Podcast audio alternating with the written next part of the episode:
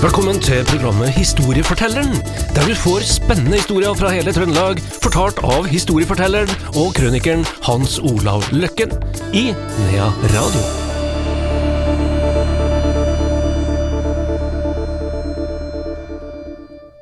Historiefortelleren her i Nea Radio er tilbake igjen. Vi sier velkommen til vår historieforteller Hans Olav Løkken. Ja, takk. Eh, I dag skal vi faktisk til USA, eh, og vi skal høre om noe som heter The Children's Blizzard. Ja. Den er eh, veldig ukjent blant oss. Ja, den er faktisk talt litt ukjent også blant amerikanere. Det er nesten ikke skrevet noen ting om den. Eh, det er ei bok som jeg har fått tak i, og som jeg har lest gjennom, og så er det et par andre som har skrevet to sånne små pocket eh, barnebøker om det her. For det dreier seg altså om en blizzard, en, en storm, da, som eh, Skikkelig storm. ordentlig storm som virkelig tok eh, livet av, eh, av eh, mange skolebarn. Da. Eh, Det er jo sånn i USA at eh, det er jo mange forståelsespåere her i verden. Der er vi veldig gode, de fleste av oss. Og i det siste nå så er det jo blitt sånn skam alt her i livet, vet du. Sånn at eh, dagens amerikanske ungdommer de eh, skammer seg litt over eh, forfedrenes eh, framferd. Det har blitt liksom tatt av det der, og spesielt i Amerika nå. Det skal jo rives ned omtrent alt som heter statuer og malerier, og det, alt skal forandres, liksom, her. Og man glemmer kanskje at det var en annen tid. Eh, og, og, og Ola Dunk går ikke fri. Eh, når det gjelder slavesystemet, kanskje var det vi som eh, brakte dem over og tjente penger på det. Det er så mange forklaringer. Det blir liksom for enkelt å rive ned en statue etterpå og, og få, få tilgivelse, da. Og eh, de går jo altså løs på dette her med Indianerne forsvant jo, det var jo ti millioner indianere ikke sant, borti statene. Nå er det vel en eh, ca. fem med indiansk bakgrunn, et som er sjekka. Eh, og hva som var årsaken til det, og så skal man da eh, be om unnskyldning for det.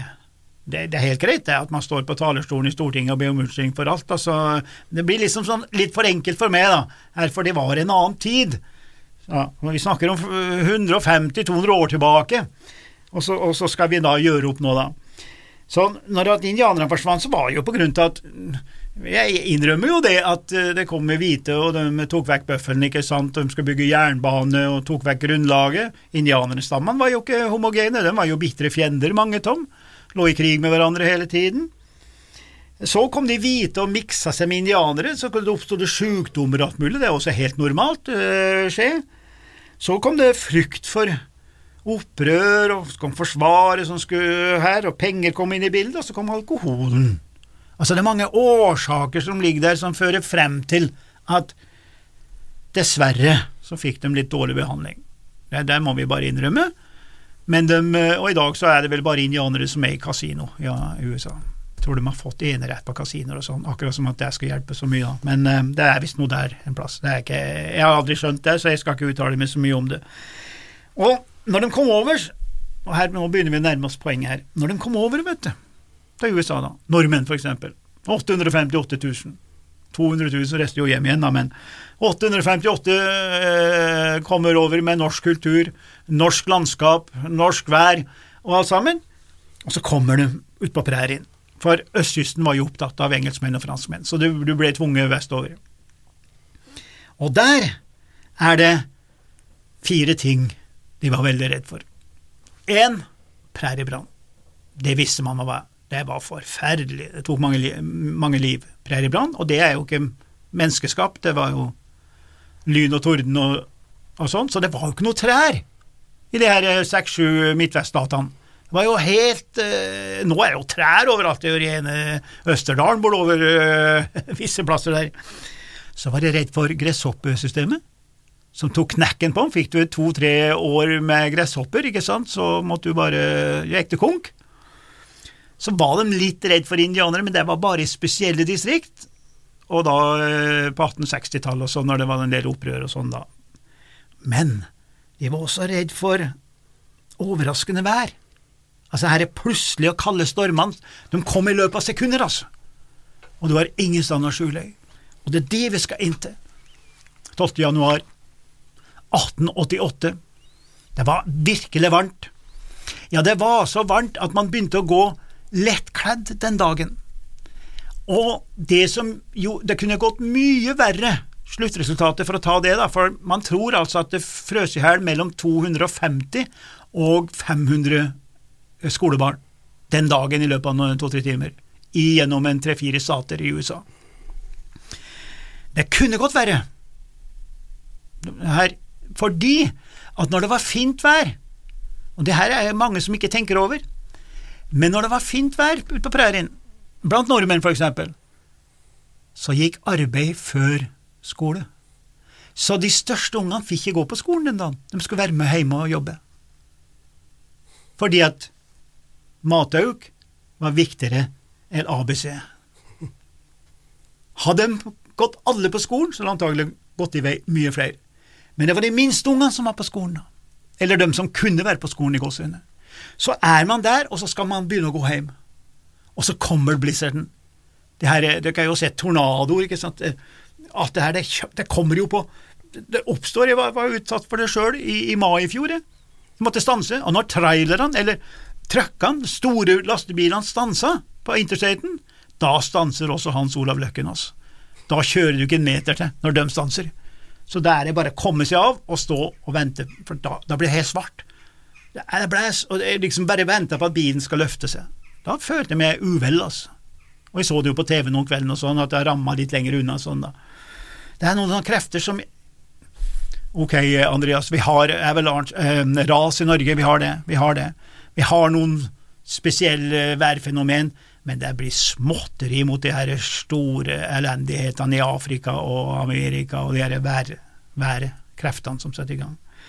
Så folk var på vei hjem, eller ungene var på vei hjem. Så kommer det, og der skjønner lærerinnene. Det var nesten bare lærerinner på den tida, vet du. Lærere, unge lærerinner, 17 eh, til 20 år kanskje, som liksom var lærere, lærerinner.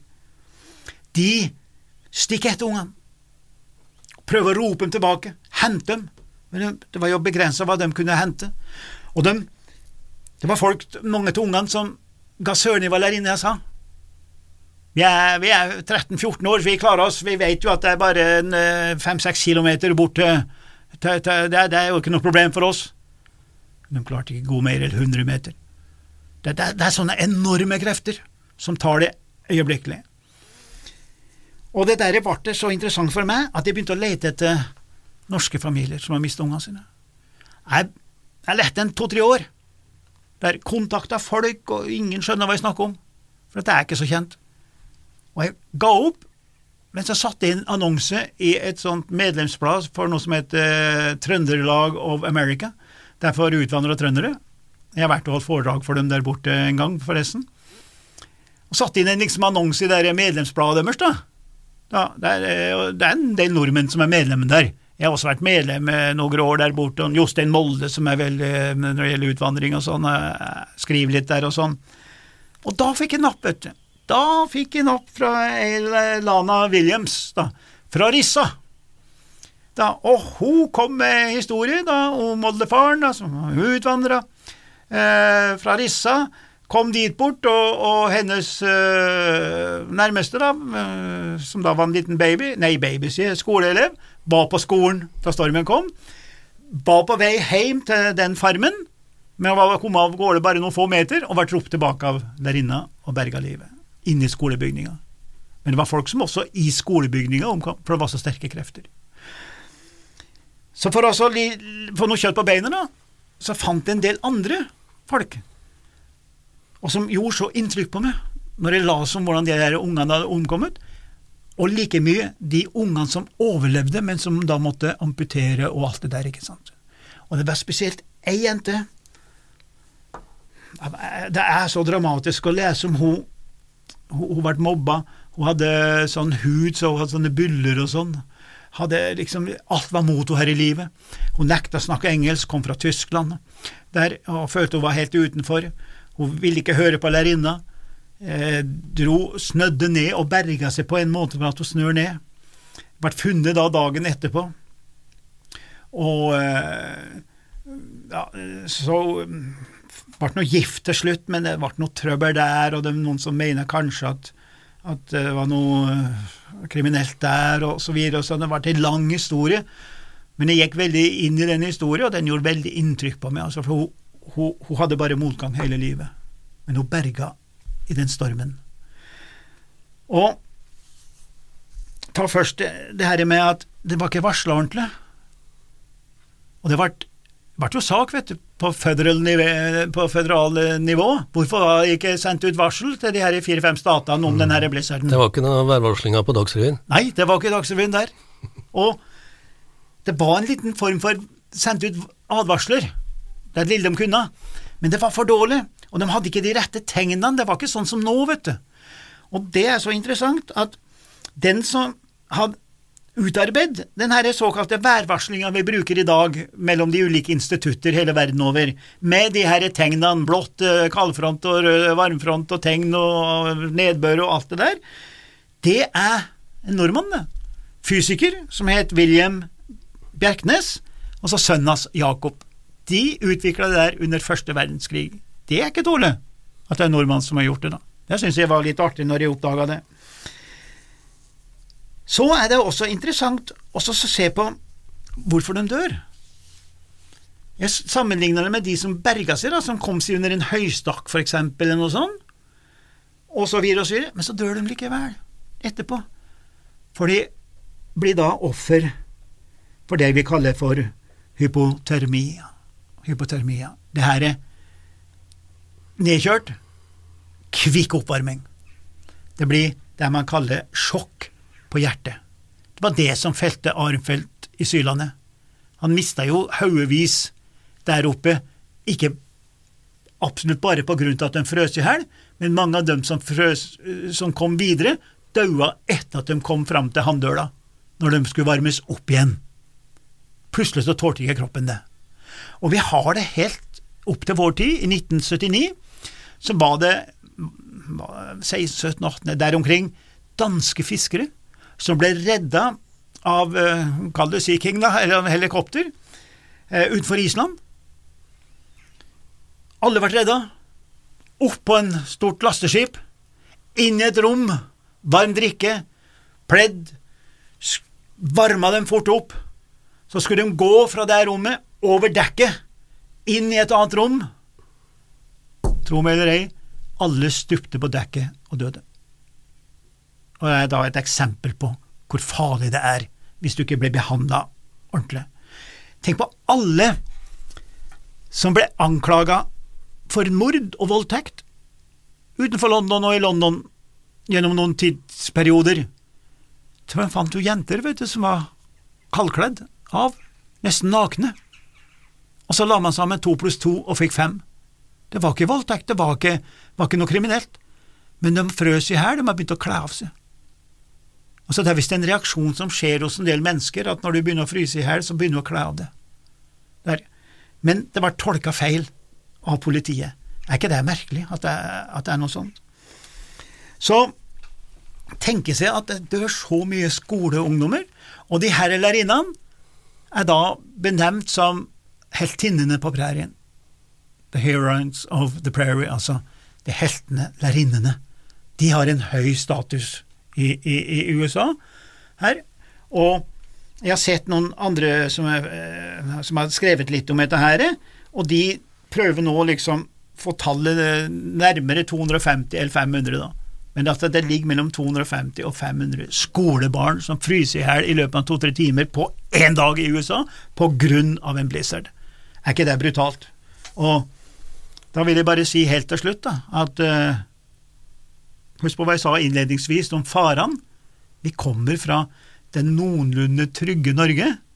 Vi, vi, vi fryser litt på neglebiten og litt sånn, sånn av og til, men ganske trygge. Og så kommer vi inn i en natur og et miljø som vi ikke har peiling på, uansett om vi behersker Tydalen og Sylandet og Rondane og Dårefjell. Vi kommer til noe som er enda tøffere. Og eh, man slår seg ned der, men prærien var annerledes enn den er i dag. Totalt annerledes enn den er Den gangen så var den utrolig enkel, ukomplisert, men utrolig farefull.